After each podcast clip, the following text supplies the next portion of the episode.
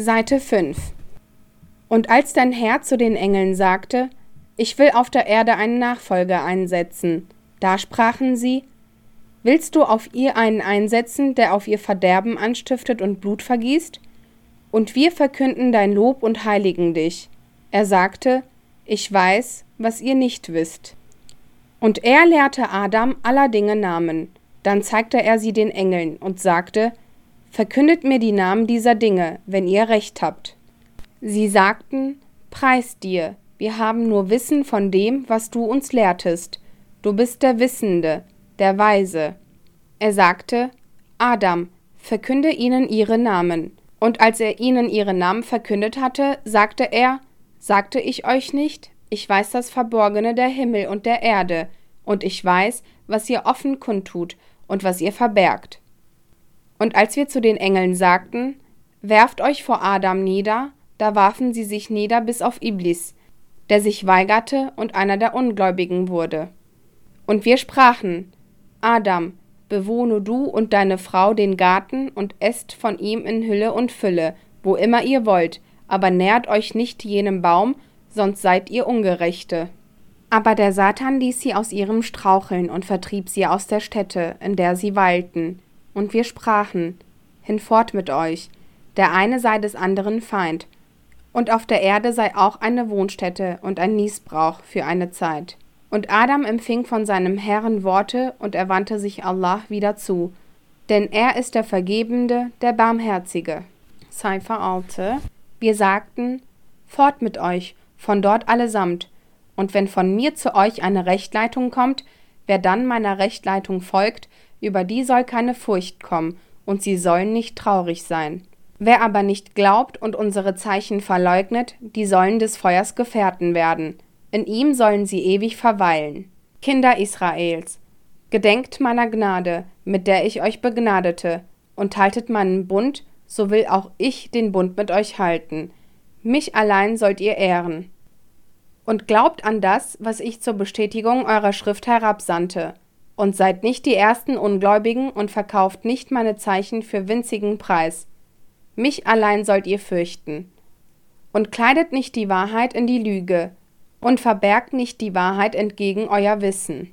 Und verrichtet das Gebet und gebt die Zakat und beugt euch mit den Beugenden.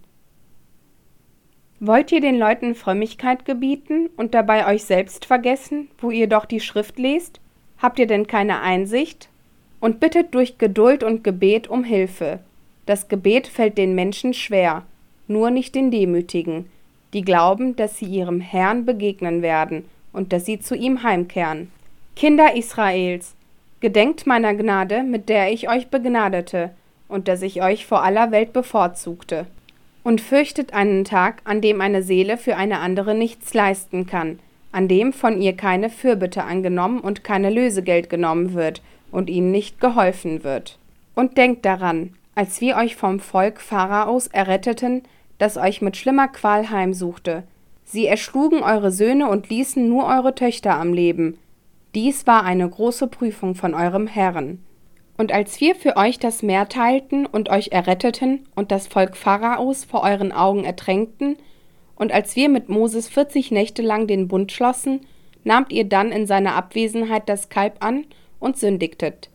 Danach vergaben wir euch, auf dass ihr dankbar wäret. Und als wir Moses die Schrift und die Unterscheidung gaben, damit ihr recht geleitet würdet, und als Moses zu seinem Volk sagte, mein Volk, ihr habt euch dadurch versündigt, dass ihr euch das Kalb annahmt. Kehrt zu eurem Schöpfer um und tötet eure Triebseelen. Dies wird euch bei eurem Schöpfer Gutes einbringen. Da wandte er sich euch wieder zu, denn er ist der Vergebende, der Barmherzige. Und als ihr sagtet, Moses, wir glauben dir nicht, bis wir nicht Allah deutlich sehen, da erfasste euch der Donnerschlag vor euren Augen. Dann erweckten wir euch wieder nach eurem Tod, damit ihr dankbar seid. Und sie frevelten nicht gegen uns, sondern gegen sich selbst. Cypher Sikis. Und als wir sagten, betretet diese Stadt und esst dort in Hülle und Fülle, wo immer ihr wollt, und tretet ein durch das Tor ehrerbietend in Demut und sagt, Hittotün, Vergebung, wir wollen euch eure Sünden verzeihen und wollen das Heil der Frommen mehren. Da vertauschten die Ungerechten das Wort mit einem anderen, das nicht zu ihnen gesprochen worden war, und wir sandten auf die Ungerechten für ihren Frevel Zorn vom Himmel herab. Und als Moses Wasser für sein Volk verlangte, sagten wir, Schlag mit deinem Stab den Felsen. Und es sprangen ihm zwölf Quellen, so dass jeder Stamm seine Quelle kannte. Esst und trinkt von Allahs Gabe und sündigt nicht mehr auf Erden durch Verderben stiften. Esst und trinkt von Allahs Gabe und sündigt nicht mehr auf Erden durch Verderben stiften. Und als ihr sagtet, Moses, wir halten diese einseitige Speise nicht mehr aus, bitte deinen Herrn für uns, dass er uns von dem, was die Erde an Gemüse, Gurken, Knoblauch, Linsen und Zwiebeln spießen lässt, hervorbringe. Da sagte er, Wollt ihr das Bessere mit dem Schlechten eintauschen? Fort mit euch nach Ägypten, dort findet ihr das Verlangte. Und sie wurden mit Schimpf und Elend geschlagen und zogen sich Allahs Zorn zu, weil sie Allahs Zeichen verleugneten und die Propheten ungerechterweise ermordeten, und weil sie rebellierten und Übertreter waren.